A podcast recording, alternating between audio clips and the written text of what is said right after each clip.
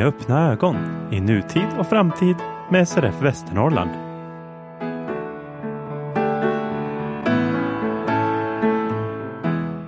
Välkommen till det andra avsnittet av Med öppna ögon, SRF Västernorrlands podcast. Och med mig här i studiosoffan idag har jag på min vänstra sida Frida, hej. och till höger om mig sitter Peter, hallå hallå. Hej hej! Hur mår ni idag? Strålande. Bara bra tack. Jag har haft med en dokumentförstörare att göra. Det är roligt. Alltid roligt att förstöra papper. ja. Fröken Destroyer. Vi är nu framme i mars månad, mer känt för den som är medlem i SRF som månaden som alla lokalföreningar har sina årsmöten.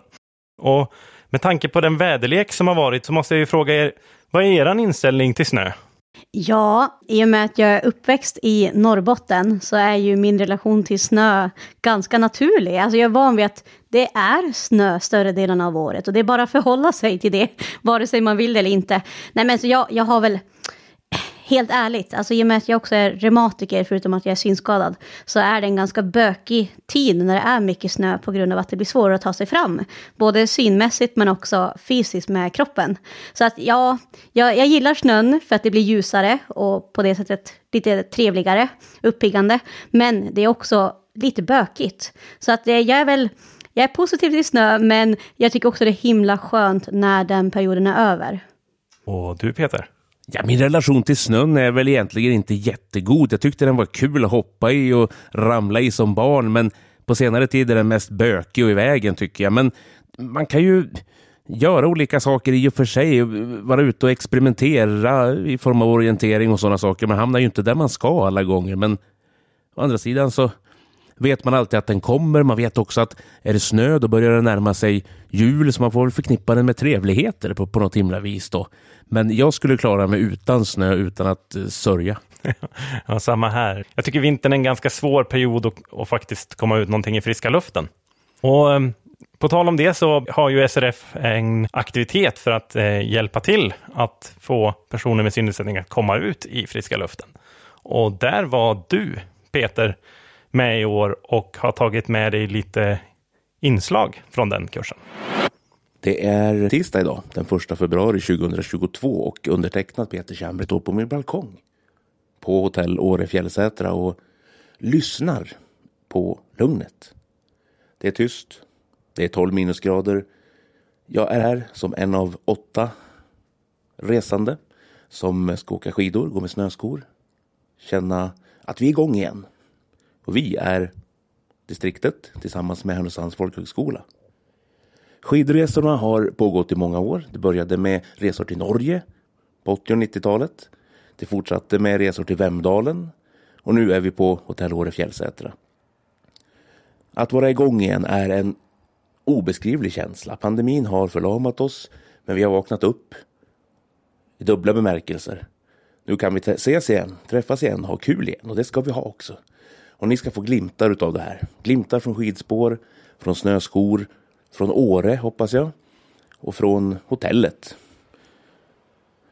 Det bar iväg ut i skidspåren. Innan vi startade upptäckte vi att automaten som dagkorten fanns att köpa i inte längre fanns kvar och det blev en mankemang innan vi lyckades köpa loss kort på informationsavdelningen. Sen eh, gav vi oss ut i spåren men det ska sägas att vinden låg på. Det var svårt att få ett vettigt ljud på inspelningsutrustningen. Ni skulle höra mycket vinande och väldigt lite kommentarer om jag skulle klippa in allt som fanns här. Men eh, jag pratade med en deltagare. Lite kommer ni att förstå hur vinden ven när ni hör det samtalet som jag tar in här i något förkortad version. Claes Eskilsson, hur känns det? Det känns jättebra.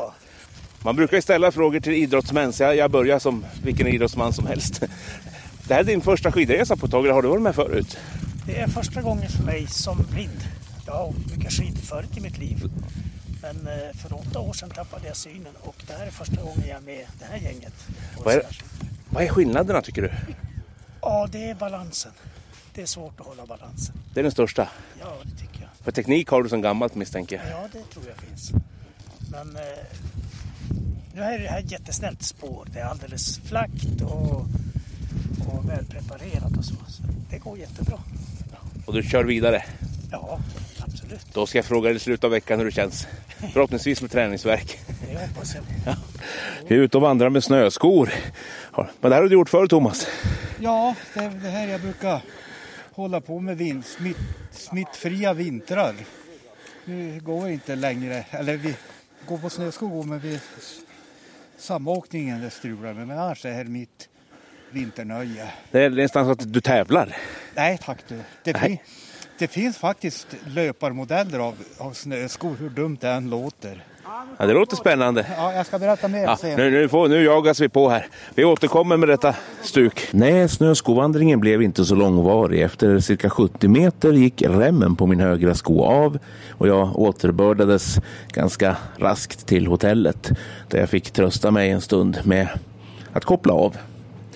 Nu står jag återigen på balkongen. Ni hör trafiken utanför. Det är torsdag den 3 februari. Idag händer det spännande saker. Vi har en filmare på plats, Niklas Olausson, som eh, kommer att föreviga delar av vår skidåkning. Vi håller på att göra en film som eh, ska presentera Synskadades riksförbund Västernorrland. Det här är en del utav den. Vi kommer att träffa Niklas nu och höra vad han pysslar med när han inte filmar synskadade. Niklas Olausson, du är också här som filmare idag. Vem är du? Ja, men som sagt, Niklas Olausson, en 24-årig kille från Östersund med en gedigen eh, längd och skidskyttebakgrund helt enkelt. Och du har jobbat med, jag vet att du dels har åkt skidor och gått eh, skidgymnasium och sen har du intresserat dig för, säger man film eller hur, hur ska man karaktärisera din yrkeskategori? Eh, Jag skulle vilja säga film, foto och tv generellt. Eh, Det har jag jobbat med sedan jag slutade gymnasiet i alla fall. Och eh, specifik inriktning på vintersport egentligen. Men du är frilansare. Jag frilansar, det stämmer. Ja, men just nu är uppdraget Viaplay Vinter och jag jobbar med alla sändningar som går ut i TV6 och i Viaplay med längdskidor och alpint och, och allt det vi sysslar med. Och innan dess så jobbade jag med Svenska Skidskytteförbundet och deras kommunikation, film, foto, Facebook och Instagram och allt det där. Vad har du mer för drömmar i din, när det gäller kommande jobb och sådana saker? Jag vill göra ett OS, TV-mässigt, och så vill jag göra Musikhjälpen. Det är mina två nästa grejer som jag har på att göra-listan. Sen är det lite så här, jag tar det som det kommer så ser vi vart jag hamnar. Men du vill fortsätta i den här branschen? Det vill jag verkligen. Häftig blandning måste jag ju säga. Ja, men det är det. Det är kul att göra någonting nytt varje gång, så det är, det är superspännande, verkligen. Det får vi ta ut i spåret sen, så tycker jag vi kör en impuls på skidor och så tävlar vi. Det ska vi göra, Ja, absolut. och jag, kör, jag, kör, jag blundar, jag lovar. Ja, vi kan fixa bindel. Vi, vi kan fixa bindel och en sån här väst som det står blind på ryggen och ledsagare på den andra. Så det, det kan vi lösa. Jag Absolut. hade velat testa det, Ja, faktiskt. det är, Eh, det är. verkligen. Vi får lägga kameran, ställa kameran bredvid på något vis. Vi får inte riskera deras tillvaro. Men Om du håller kameran så åker jag skidor. det, det fixar vi. Jag kan stå där och sen, visa riktningen bara så tar vi det så. På volley, det är vi bäst. Ja, men exakt. För drönaren vet jag inte om jag törs. Drönaren känns lite speciell. Den, den kan gå ner i något träd om inte... Niklas filmar och det här är spännande. Han har bland annat en drönare som han drar upp i luften som flyger runt. Det mest spännande var när den kraschlandade framför min högra snösko och blev betrampad men den överlevde. Thomas Norberg, du är också med på skidresan. För vilken gång i ordningen tror du? Ja, jag, jag har varit med ett antal gånger men jag har inte varje år utan det blir då, ja, jag tycker att det känns bra att åka med någon gång. Någon gång emellanåt sådär. Frisksportar du i övrigt eller är det på de här skid... Nej, jag försöker. Jag sitter på en sån där cykel, spinningcykel och trampar och sen försöker men det är så, ja, det är enklare på sommaren.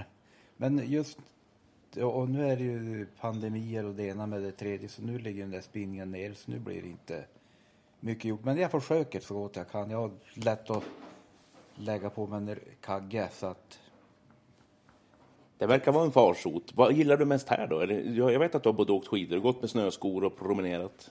Ja, snöskor är väl mer min grej. Jag är med i Friluftsfrämjandet och brukar gå med dem. Men nu är det pandemi där också så att det, det är inställt. Men det, det är mer min hemmaplan.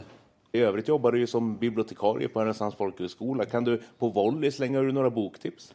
Eh, jag tycker att man ska eh, läsa en bok som egentligen är en barnbok. Men som jag, jag fy fan stort nöje. Den heter Boktjuven. Men jag kommer inte på författaren. Men säg Boktjuven så vet bibliotekarien vad det är. Sen ska man läsa Safon. Vindens skugga och det är också. Men det är en del i en trilogi och så har han skrivit någon fler bok som är lös. Så att, eh, ja, och så läser jag deckare. Själv, litet mordpigg alltid upp. Och då ska man läsa Indriadsson. En islänning. Det enda problemet är att det är så konstiga namn på folk. Så att det tar ett tag innan man har kommit på, jaha, det är den och sådär. Men Indrigadsson och sen finns det en som heter Sigurdasson. En kvinna tror jag, som skriver lite sådär. Om man tycker om sådär lite oknytt med lite spöken och hokus pokus lite grann. Men den deckar ändå, så kan man läsa henne. Är det ett bra sätt att somna till på kvällen om inte annat? Eller håller du dig vaken när du läser? Jag, lä, eh, jag, jag har ju läst på Daisy. Nej, det är ett bra sätt att somna. Och det värsta är att om man lånar de där Daisy så vaknar man ju sen någon gång och då är det någon då står ju apparaten fortfarande och pratar och man vet inte alls var man är någonstans. Det är tur att det är lätt att backa. Ja, det är tur att det är lätt att backa, men Ja, ibland, ibland så, och så ligger man och håller sig vaken och tänker, ja men bara det där kapitlet, det där kapitlet ska jag läsa, läsa ut, sen ska jag stänga den och sen stänger man ner sig själv istället då. Så att, nej det, det ibland så går det bra att hålla sig vaken, ibland så somnar man. Men nu är du utrustad för en skidsafari. Ja, de säger det. Vi får väl se vad det blir av med det. Hur har det gått så här långt? Eh, jag har stukat en axel. Bara en sån sak. Bara en sån sak. Det fick vi inte med i direktsändning, men, Nej. men det gick ganska bra ändå. Det var, Ja, det var ja, ett fall. det, ja, det gick bra ändå. Och så har jag landat på ryggen på ett ställe. Så att, ja, men lite, jag är ingen skidåkare egentligen. Så att, Ja, det är tur. Det är inte många som är det. nej, det är, väl, det är väl Max som är skidåkare här. Ja, vi andra får vara glada Max och amatörer. jag så till viss mån, men nej. Det, det är väl mer att gå på skidor än att åka. Och innan vi säger tack och hej för den här vändan så måste vi kolla hur ledsagarnas representanter känner efter de här dagarna. Vi kollar läget med Gunilla Ronchar som har varit med tillsammans med Jås och ledsagat oss de här dagarna. Veckan är över, Gunilla. Hur känns det? Ja, alltså att den är över. Att, att den är över och att, Att vi har lyckats genomföra en livekurs, tänker jag. Alla ben i behåll. ja, nej, men det var jätteroligt att vi äntligen kom iväg. Sen, det är två år sedan sist. Ja, det känns både länge sedan och som att det var nyss, på ett vis. Ja, precis. Eh, vi hade inte så mycket sol förutom igår, men annars så tycker jag humöret har varit på topp på alla och jag kämpar på. Alla har haft abstinens, tror jag, för det har varit väldigt glatt och det har varit en lite mindre skara än vanligt, men de som har varit med tror jag inte har ångrat sig i alla fall. Nej, det verkar inte så. De verkar nöjda. Är det speciellt du tar med dig? Det har hänt lite av varje, både skidor och snöskor och promenader och vi blev filmade igår till och med. Ja, nej men alltså det, jag tycker jag lever på det. Jag tycker det är roligt att vi är igång och sen det bästa var väl nu att de släpper på restriktionerna för alla vaccinerade så det känns ju lovande. Det blir fler kurser. Ja, precis, det är roligt att det börjar återgå till det normala. Det är väl det som är det bästa, det mest positiva. Ja, ni verkar ju ha haft det trevligt i alla fall, Peter. Ja. Det hade vi definitivt, i alla fall jag. Det lät som att de andra var på samma bog. Mm. Jag tänker Peter, den här kursen är ju ändå ett sätt att SRF kan hjälpa till att synskadade kommer ut och både i friska luften och testa på skidåkning. Jag tänker att om du vill berätta lite, det är ju inte så fullt enkelt att bara sticka ut i skogen som synskadad och åka skidor till exempel. Nej, definitivt inte oavsett om man nu vill idrotta på hög nivå eller om man bara är ute efter träningspass, eller motionsrunda. Så jag menar, vad, vad ska man göra som helt blind? Ta skidorna med i färdtjänstbilen, det går inte så himla bra. Man ska ta sig ut i något spår och man ska klara av att hitta, inte åka på folk. Eh, och även lära sig att orientera, så att man, man behöver faktiskt någon att åka med. Man behöver någon, någon som man litar på. Och det här konceptet är ju ganska gammalt. Jag menar, folkhögskolan körde det här redan på 80 och 90-talet. Man stack iväg till Norge och hade kurser. Och eh, sen blev det Vemdalen och nu är vi på Fjällsätra. Jag säger vi, jag har varit med ett par år nu. Och jag är ju ingen elitidrottare, det vet de som har sett mig. Eh, det syns mycket väl eh, att jag ägnar mig åt annat. Men eh, det är ändå fantastiskt att vara med och anstränga sig så mycket man orkar ändå. Och det är skönt att känna den där obefintliga konditionen ändå komma lite grann innan veckan är över. Och gemenskap också, man kan ju prata med varann och inspireras av de som faktiskt rör sig lite mer. Jag är fascinerad av de som, som åker slalom. Nu gjorde vi ju inte det här, men det har ju hänt också tidigare att eh, synskadade har gjort det med ledsagare och haft olika kommandon och att det har funkat eh, tämligen väl faktiskt. Så det är verkligen en eh, bra sak som SRF gör tillsammans med Härnösands folkhögskola. Och det är också något som är bra att man kan få in stöttning för. Dels från SPSM, Specialpedagogiska skolmyndigheten och även andra håll för att det kostar att arrangera, men vi har goda samarbetspartners här. Jag var med på de läger som gick förr när jag, i min barndom, när man, där man fick åka slalom i Åre. De har jag bara hört talas om. Det var också någon form av SPSM-verksamhet tror jag. Säkerligen, de har ju stöttat många verksamheter. Det var ju väldigt givande, för de, där var det ju inte att man hade med någon som lite hugad ledsagare som tänkte sig åka med en, utan de hade, där hade vi ju lektioner från Totalskyddsskolan. Mm. Så det var ju kunniga lärare för personer med funktionsnedsättningar som, som hade lektioner med oss. Så jag åkte ju på slalom. Jag har till och med testat att åka med, utan några linor eller någonting, bara på röstkommandon. Men bara i någon enklare backe. Ja, när jag var barn gillade jag verkligen att åka snabbt och utför, men det där gick över i tioårsåldern. Det kändes som att jag var på väg in i någon vägg eller stolpe hela tiden och då la jag av och tyckte inte det var så kul längre, men jag klarar av att harva mig runt någorlunda på längdåkning i alla fall. Jo, jo. Jag, jag håller med. Jag, jag skulle inte våga idag. Nej, men jag tycker det är en fantastisk grej att göra för att utmana sig själv. Alltså både, det är ju så mycket du behöver använda när du åker skidor. Det är ju balansen bland annat och sen, ja men när du inte heller nyttjar synen fullt ut så får du ju tänka lite annorlunda. Och jag är lite sugen själv faktiskt att följa med någon gång på den där resan. Det låter himla roligt. Frida, du kan väl berätta lite grann om SRF Västernorrlands intressepolitiska arbetsgrupper? Det finns ju väldigt mycket att jobba med, men någonstans måste man ju välja vad man vill fokusera på. Och då har vi valt fyra grupper där vi har en som har hand om kollektivtrafik, färdtjänst och eh, gatumiljö. Vi har en som är rehabilitering, habilitering, en för digitala frågor och en arbetsmarknadsgrupp. Vi har haft en digital informationskväll med synrehabiliteringen i Sundsvall i den digitala gruppen. Och det är jätteroligt att se för att de här digitala träffarna på Teams, eh, det blir bara fler och fler som anmäler sig till dem och kommer. Och jag tror att i och med att vi har haft nu pandemi länge och kört digitala aktiviteter så är det rätt tid att fortsätta med det. För nu har ju folk börjat komma in lite grann i att det inte är så svårt att komma på ett digitalt möte. Att det går att ringa in, det går att logga in via en app eller via sin dator. Eh, så att det, det är jättekul att se tycker jag. Vad är det ni har tagit upp på de här digitala seminarierna? Det första vi hade, då hade vi en gäst, eh, Karin Hjalmarsson, som berättade om rekreationer på Almåsa havshotell. Både om hur du kan söka bidrag för att faktiskt åka på rekreationer, men också lite grann vad som var kommande saker nu under eh, våren och eh, den hösten då. Eh, sen den senaste så hade vi två stycken från synrehabilitering i Sundsvall, både en datapedagog och en synpedagog, som berättade lite grann vad de kan bistå med och hur man, hur man tar sig in till synrehabilitering första gången, att man måste få en remiss för att komma dit. Sen är det lite lättare när man är inne i systemet. Då kan man höra av sig vad man behöver hjälp med och få en tid. Eh, och att folk får ställa ja, frågor till dem helt enkelt. Mm. Och det här att synrehabiliteringen i Västernorrland har en datapedagog, det är ju en, en väldigt stor fördel. Ja, verkligen. Och unikt också. Eller, det är klart det finns ju fler, men de är inte så många. Så att vi ska vara väldigt glada att ändå regionen har satsat på en datapedagog här. Och han, har ju, han berättade ju för oss att under pandemin så har han ju kunnat hjälpa folk på distans.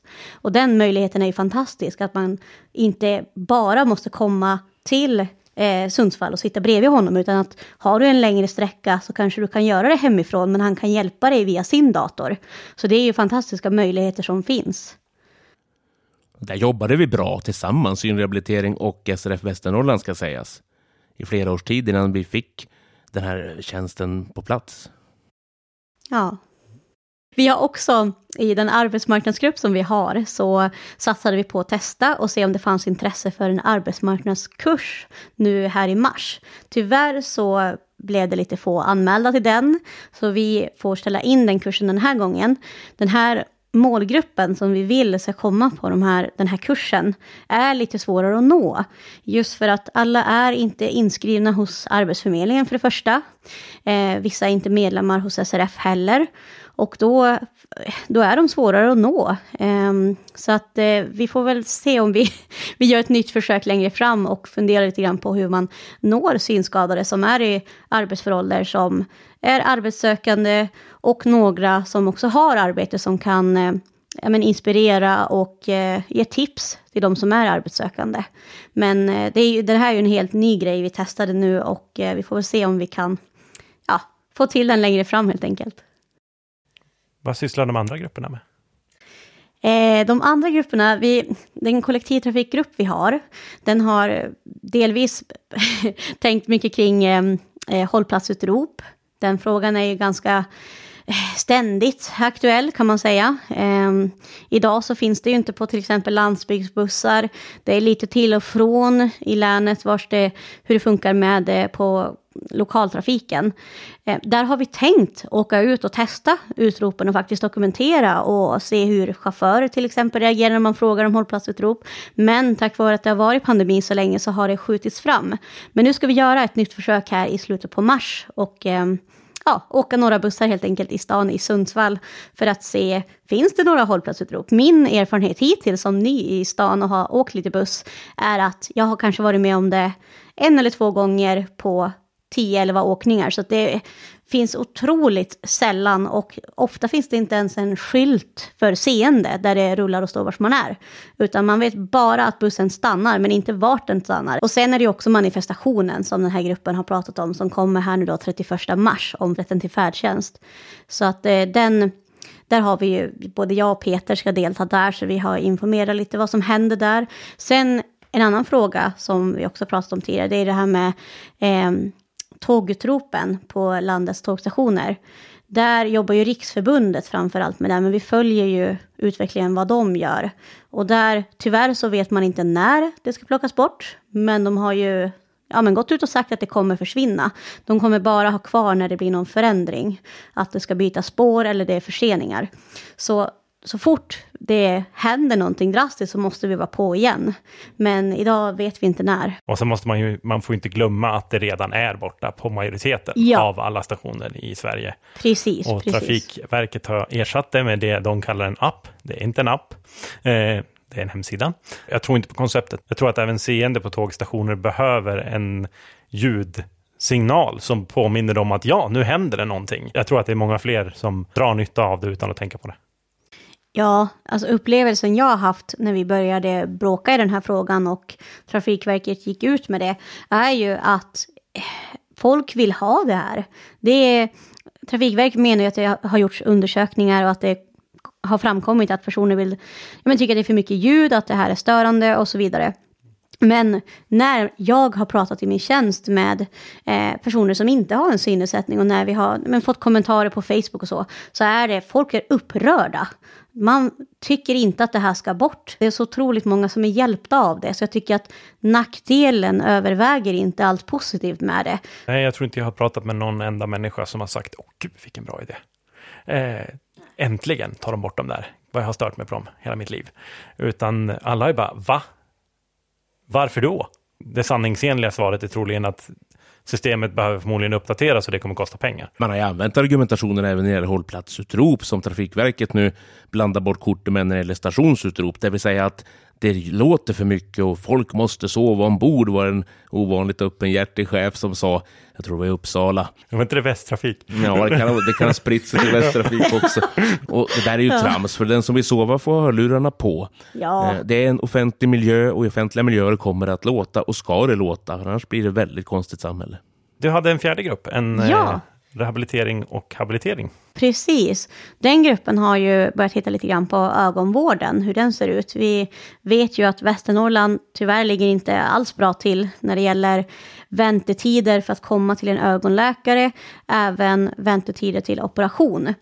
Eh, och i samband, eller inte i samband med det, men en, eh, ett roligt inträffande var att vi blev kontaktade av SVT Västernorrland som nu inför valet granskar vården i regionen. Och då vänder de sig till SRF för att höra vad vår upplevelse är av ja, men, att vi ligger så långt ner på den här listan i Sverige över hur fort man får komma, att man kan hålla den här så kallade vårdgarantin. Eh, så att vi har ju nu, det kan jag ju säga här också, att vi vill ha in berättelser från medlemmar som på något sätt har blivit drabbade av att man har fått vänta länge för att komma på ett besök. Eller som kanske har fått tyvärr skador av att inte fått en operation i tid. Så att det, den frågan håller vi på med just nu. De oläsbara kallelserna gissar jag att den gruppen är. Ja, precis. Ja, men oläsbara kallelser var vi ju ute, om det var 2020 i media och pratade om. Och där är också någonting som regionen skiljer på upphandling, som man gör i många andra. Att man har ett kallelsesystem där det är en viss eh, ja, textstorlek och en viss färg man använder. Och den här anser vi är väldigt eh, otillräcklig. Vi har jämfört med kallelser från andra regioner, att det ser inte alls likadant ut. Så vi tycker inte att det finns något, ja, någon grund till att man ska fortsätta ha kvar det här, för det finns bättre. Um, så det är någonting vi får vara på dem om när det är dags för upphandling. Man måste se över det här att när man väl kan byta så ska man ha... Det blir så ironiskt när man får kallelse till en, ja men till exempel ögonmottagningen och så är det så svag text så att eh, även om du är synsvag och brukar kunna läsa så kan du inte se de här. Eh, så det är ju någonting vi får fortsätta vara på dem om. Någonting som vi började jobba med i höstas var att vi eh, tog upp frågan om bemötande i vården.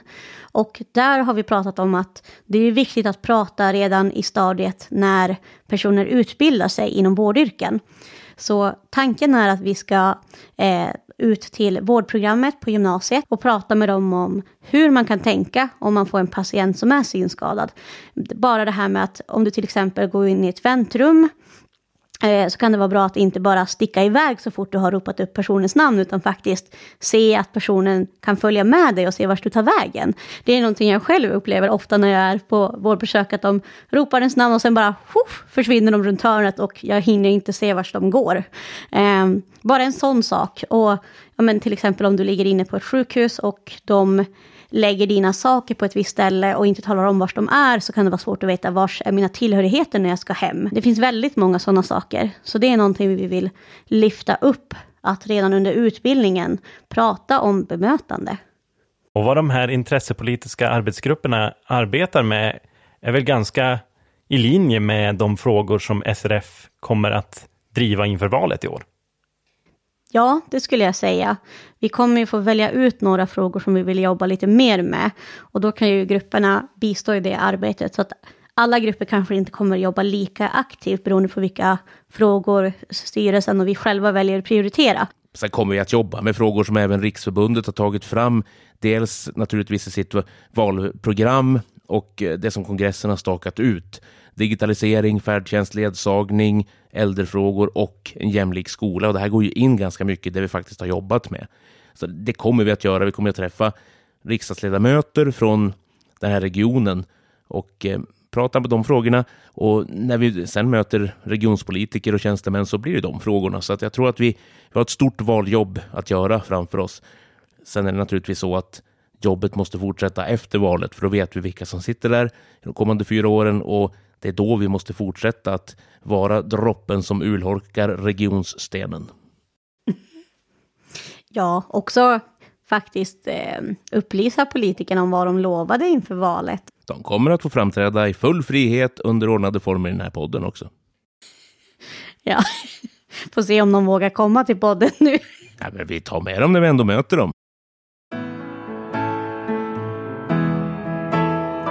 Syntolkning är någonting som börjar bli vanligare och vanligare i olika tv-program och även i filmer.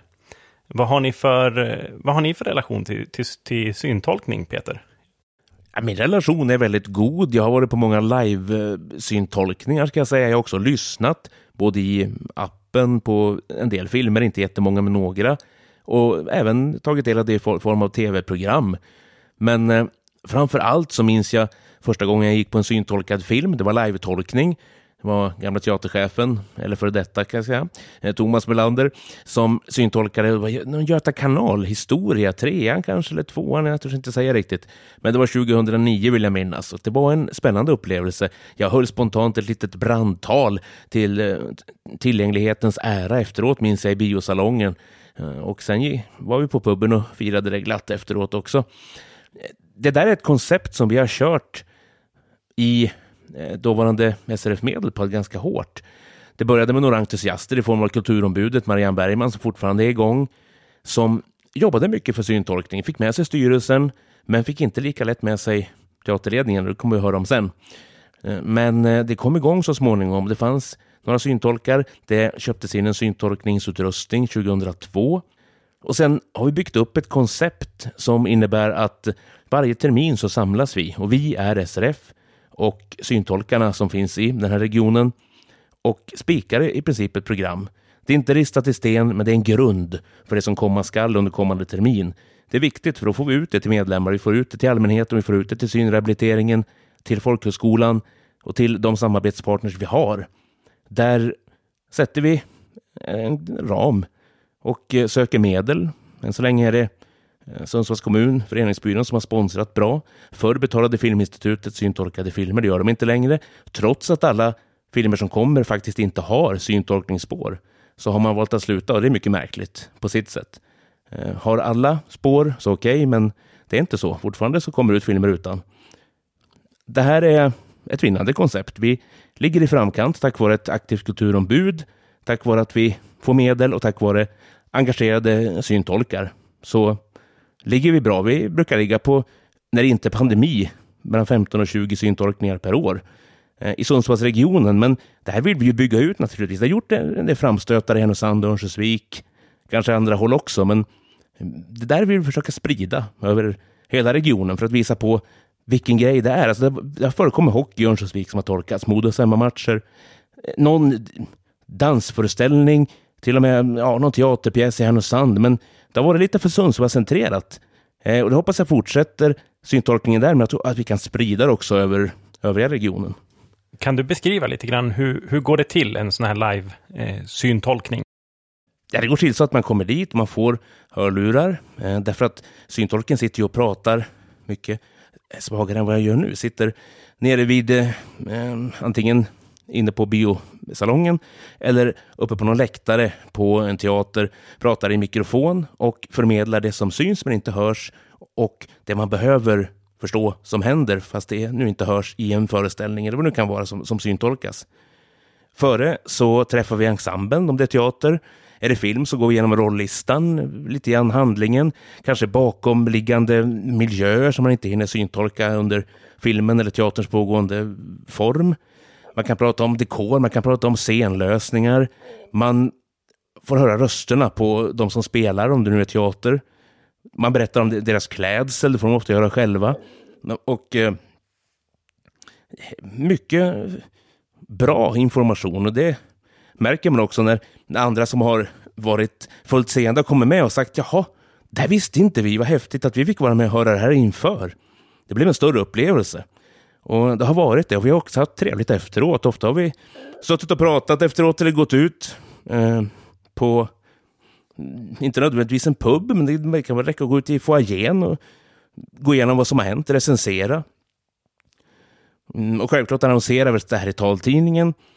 Det skickas ut info eh, via andra kanaler också, men mestadels är det ju SRF som har hållit i det här och, och eh, arrangerat och finansierat. För det finns ju inte någon riktigt bra samhällslösning för syntolkning. Det är svårt för en enskild person att skaffa syntolk för det kostar helt enkelt för mycket. Det behövs samhällsstöd. Frida, du har mer erfarenhet av förinspelad syntolkning. Ja, precis. Dels så har jag testat den här appen som finns, som heter Movietalk. Um, men som Peter sa så, det är ju inte alla filmer som har um, syntolkningsspår. Men där finns ändå vissa filmer, så den har jag börjat använda mig av. Um, när jag går på bio till exempel och inte vill se en film hemma så är det ganska skönt att ha ja, men den här appen som man kan sitta med i biosalongen utan att störa alla andra. Så att det har jag gjort. Och sen även när det är serier som har syntolkning så har jag alltid det på. Till exempel SVT har en hel del syntolkade serier. Man väljer oftast ut kanske de ja, men storsatsningarna och eh, syntolkar dem. Och jag har märkt nu de senaste åren hur mycket det faktiskt hjälper mig. För att ibland så tror jag nog att jag kanske hänger med mer än vad jag gör dagens serier och eh, tv-program speglar ju samhället väldigt mycket. Och i och med att samhället digitaliseras mer så kommer det mer digitala inslag i serier och tv-program. Till exempel att man har eh, karaktärer som får sms, man har karaktärer som får mail och de här är väldigt svårt att hänga med och se vad det, vad det står i helt enkelt. Och det kan vara en avgörande grej i en serie att någon får ett meddelande om någonting. Och har man inte syntolkning så missar jag helt det här, men har jag syntolkning så läser de upp eh, helt enkelt meddelandena. Och det hjälper jättemycket. Så att det är en stor hjälp idag när men, en hel del kommunikation i filmer och tv-program kommer från mobiltelefoner, datorer som, eh, men som inte automatiskt karaktärerna berättar någonting om. Eh, så att, ja, jag tycker det är jättebra med syntolkning. Jag vill gärna att ännu fler serier och tv-program får syntolkning. Men också har jag testat på det som Peter nämner här, att eh, gått med ett gäng en gång här i Sundsvall. Jag har inte bott här så länge ännu, men jag har hunnit vara med på en live-syntolkning. Och det var väldigt roligt koncept tycker jag, att man träffas där lite innan, man har lite försnack, lite mingel. Även att man får veta bakgrunden och vissa detaljer som man inte annars kanske tänker på i filmen. Eh, och sen att vi ja, men, har trevligt även efteråt. Ja. Ja, alltså jag, är, jag är som du, jag har i stort sett bara erfarenhet av syntolkning som en del av en serie, alltså det jag kan, ja. det jag kan välja spåret på. Eh, det, är, det är ofta så att det kommer med på en, en tv-serie eller en film som ett alternativt språk. Eh, som man väljer Eh, svenska syntolkning eller engelska audio description. Eh, och sen så har man den här rösten och för mig är det helt ovärderligt. Jag menar, eh, om du, du kanske åtminstone ser lite grann av karaktärerna på skärmen så det blir mest jobbigt när det kommer upp text och sådana här saker som i mail och den saken. Men för mig, jag ser ju inte skärmen alls. Och särskilt också i, i början av, men till exempel då en serie som kanske har väldigt många avsnitt så tycker jag att det är bra att man får den här hjälpen i början med att eh, psyktolkningen beskriver karaktärerna för att eh, även om jag kanske kan få en uppfattning om ungefär hur de ser ut så, så ser jag inte alla detaljer och innan man har lärt sig rösterna på alla så är det en hjälp att de berättar att eh, vilken person som kommer in i ett rum till exempel. Det hjälper även mig så att det eh, Sen, sen börjar man ju koppla ihop saker med ju längre man tittar och så. Men eh, men det är mycket man inte får en uppfattning om om man inte har syntolkning till. Då får man ibland chansa lite grann och sen när man pratar med scen om en serie och, och inte har haft syntolkning så kan man få vissa saker förklarat för sig. Och så man, Jaha, ja men det, det förstod jag faktiskt inte alls för att jag såg inte, såg inte den personen eller jag såg inte den här miljön eller såg inte liksom uttrycken som de hade. Nej, jag håller helt med. Men jag, jag ska också, jag vill också påpeka att jag tycker faktiskt att alla de här tre formerna av syntolkning som vi har nämnt här. Eh, alltså på plats med en syntolk som sitter där med en, en app som kan lyssna på det du tittar på och eh, spela upp ett syntolkningsspår bara för dig och ett spår som du kan välja på en film eller tv-serie. Alla de har sin plats och är otroligt viktiga. Peter, du har träffat och eh, haft ett samtal med de syntolkar som eh, är aktiva i regionen idag. Thomas Melander, du är känd dels som tidigare chef för Teater Västernorrland men också som regissör i botten. 2007 så satte du igång att syntolka.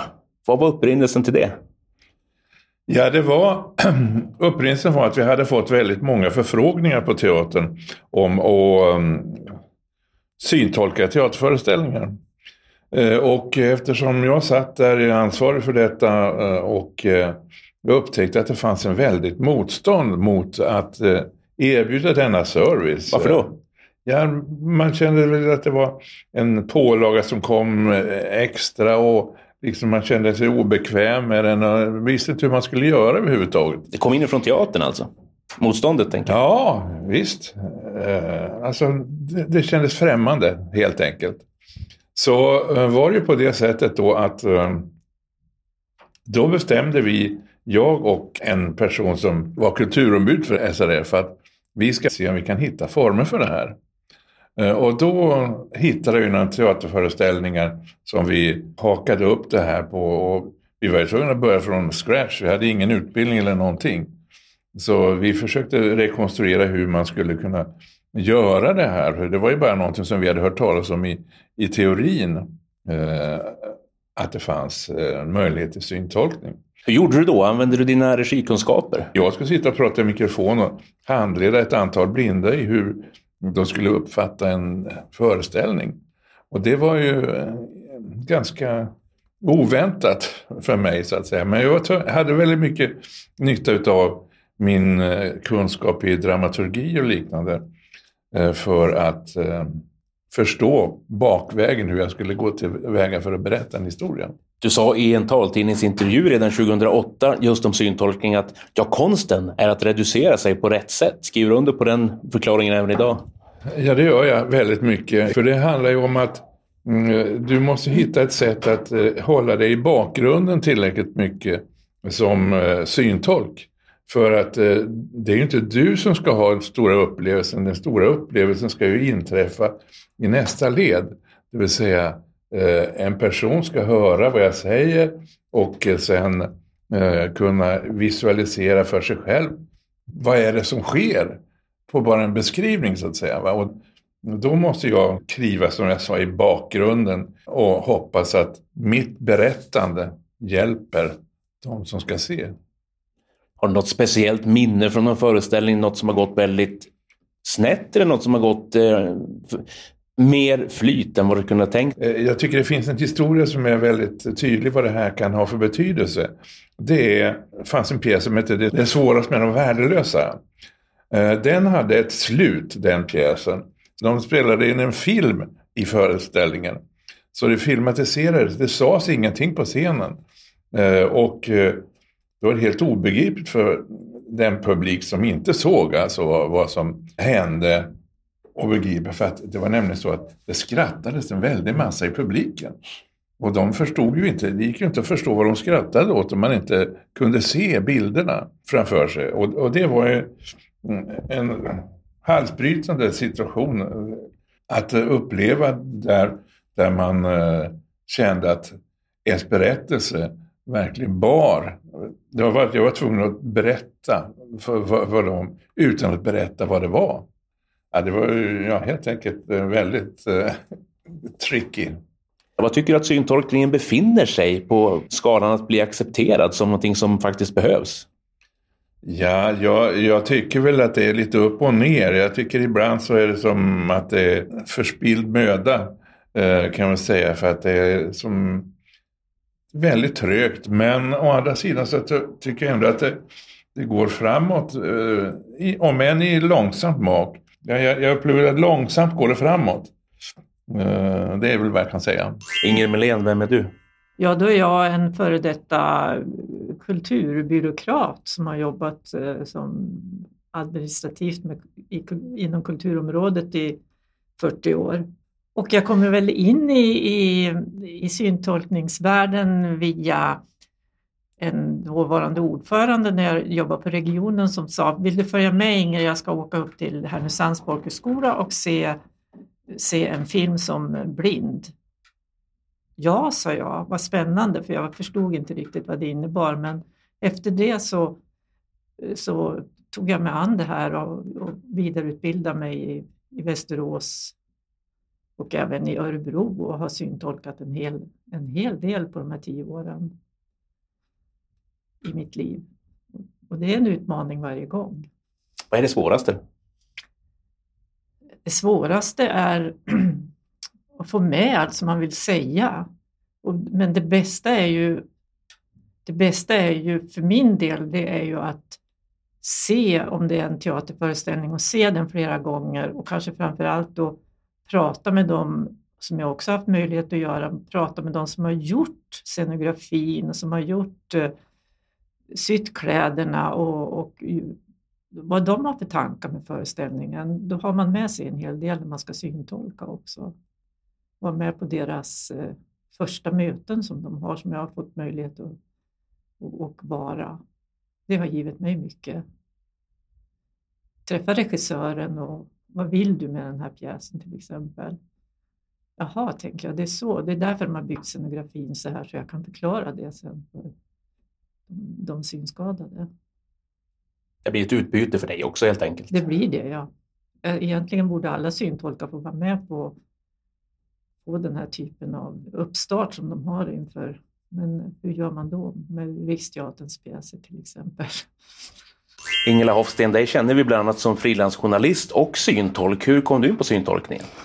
Ja, men det var genom journalistiken, tror jag faktiskt. Att jag i något sammanhang när jag gjorde något journalistiskt här i stan så, så fick jag uh, nys om det här med att syntolkning finns och gjordes. Och då var det ju förstås när Thomas Melander höll på med det. Och när jag fick höra talas om möjligheten att få gå en liten eh, utbildning i Västerås, en snabb en helgkurs var det ju eh, så sökte jag det. Jag tänkte också att det är en bra sidoverksamhet för mig. Och sen så tänkte jag att som gammal radiojournalist så har jag ju lite gratis kanske för att jag är van att beskriva saker i ord som inte syns.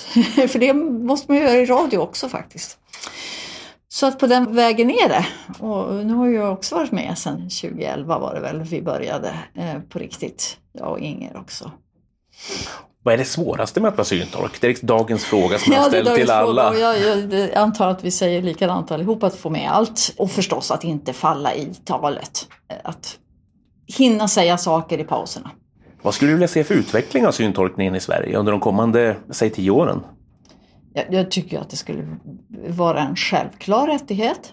Att vem som helst som behöver syntolkning skulle kunna få det och att det eh, betalas då förstås också. Så att det, eh, ja, att det är en självklarhet utifrån eh, scenkonsten med mera. Vi har ju också provat eh, syntolka sport till exempel och sådär. Och, också förstås att det blir mer känt vad det är för någonting. Det har ju skett jättemycket på tv-sidan men det, det är ju fler och fler som ändå hör talas om syntolkning men det är mycket kvar än tror jag. Anna-Karin Åström, du är en av de nya syntolkarna. Vad har du för bakgrund? Ja, egentligen så är jag ursprungligen journalist men eh, började jobba på kommunen som kommunikatör så att jag har ju det här språket och pulandet med bokstäver och ord. Så att, eh, eh, att jag kom in på det här, det var ju egentligen att jobba mycket med tillgänglighet, webbtillgänglighet, tillgänglighetslag. Att jag började intressera mig för, för det och hoppade på den här utbildningen då i Fällingsbro, ettårig syntolksutbildning och eh, jag går sista terminen nu. Så att jag är väl en syntolk i vardande. Hur bär man sig åt för att komma in? Man söker och sen gör de ett urval och gör du inträdesprov? Hur, ja, hur gick det, det till? Det var ju lite spännande. Eh, nu har utbildningen gått helt digitalt, men det kom hem en bibba papper med saker att fylla i, allt från synonymer till eh, ja, lite blandat. Sen röstprov och att kunna bara kastas ut och syntolka en film. Så det var sådana såna saker som, som vi skickade, eller som jag skickade iväg då. Sen så en intervju och sen så var det till, till slut det här användarrådet som finns, att, alltså lyssnande, lyssnande genom av röster som, som gick bra, turligt nog. Så, så, så var det. Så var det och sen har det flutit på helt enkelt, även om det har varit digitalt. Ja, eh, vi hade en träff, eh, en första träff gemensamt i Örebro där utbildningen ligger eh, och det var en bra grund. Sen är det fantastiskt att det funkar så bra digitalt tycker jag, i dessa tider. Vad, vad gör man för examensarbete på den här utbildningen? Ja, vi har uppgifter hela tiden, så att examensarbete, vi har en spännande uppgift framför oss nu när vi ska ner på Nationalmuseet och få tolka konstverk i slutet av mars. Jag vet inte om det kan sägas vara ett examensarbete, men det är ett väldigt det är många, uppdrag. Det är många delar helt väldigt enkelt. Väldigt många delar, väldigt många inlämningar, väldigt spännande, intressant. Och sen blir det live, förmodligen här i stan. Då, då, då, blir det, blir det spännande. Ytterligare en ny syntolk, Ylva Karlsson. Vem är du? Ja, eh, vem är jag? Jag läste syntolksutbildningen 2019-2020. Varför då? För att det är kul med röster, kul med ord, eh, kul att få men, lära sig någonting nytt. Jag tittar väldigt mycket på TV och eh, är väl lite röstnörd. Jag eh, skulle väl vilja jobba med dubb i framtiden, men eh, det här var som en sidogrej. Så jag har ingen politisk bakgrund alls. Utan det har kommit sen i och med utbildningen, att man lär sig mer och mer. Men eh, ja, väldigt rolig grej bara som jag ville testa. Du gått samma utbildning som Anna-Karin just berättade om. Ja, precis. Fast när jag gick den så hade vi fler nätträffar. Så att jag var nere i Örebro en gång i månaden. Och fick intensivtolka då, fredag, lördag, söndag. Kommer du ihåg några speciella arbetsuppgifter eller speciella syntolkningsuppdrag som ingick i utbildningen? Ja, men det var uppgifter hela tiden som utmanade på olika sätt. Eh, vi hade en, eh, en uppgift där vi skulle tolka barnfilm. Då såg vi insidan ut. Och det var nog den mest utmanande uppgiften tycker jag. Men också den som var roligast. För att ingenting där är ju som det ser ut i verkligheten. Utan man fick sätta sig in i en fantasivärld och eh, det går ju väldigt fort i, i barnfilm. Så att det var spännande. Sen så hade vi en uppgift eh, ganska tidigt där vi fick ledsaga varandra på stan i Örebro. Och det var ju jättespännande som att vi inte var så bekanta med stan och eh, alla som läste utbildningen är ju seende. Så att, att bara ta bort synen och ge sig ut i en ny stad var jätteläskigt men jättelärorikt. Eh, då var det konst ute på gatorna som vi fick syntolka för varandra. Och sen examensarbete då. Så hade vi en serie där vi syntolkade ett avsnitt var som heter Vildmark. Så det finns uppe på nätet om man vill lyssna på den. Hur lång tid tar det att göra ett sådant avsnitt? Oj. Ja, bra fråga. Vi fick ju väldigt mycket feedback och det var mycket, mycket bollande så att det tog väl längre tid för oss än vad det gör normalt sett. Just för att det var så många, så många ja, feedbacksamtal och vi hjälpte varandra att hitta rätt ord och fick testa tolka det för varandra vid de här träffarna. Så ett ganska lång tid men eh, man fick med sig väldigt mycket från den uppgiften. Och nu har vi haft en pandemi, men snart är det dags att köra igång live-tolkningen och då kommer vi att träffa på dig och din röst. Ja, det hoppas jag.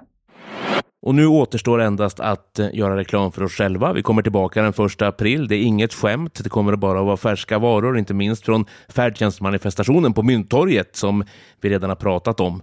Men eh, vi vill också passa på att tacka er för den respons som vi har fått på vårt första poddavsnitt som utkom den 1 februari. Kom ihåg det vänner att det är alltid den första i månaden som vi utkommer. Vi tycker väldigt mycket om när ni hör av er. Tvåvägskommunikation är mycket bättre än envägs. Och för att höra av er så måste ni veta hur. Några av er minns det, men ni som inte gör det kan få uppgifterna en gång till. Maila på vasternorrland srf.nu eller ring till Frida på telefon 076 539 9225. på återhörande.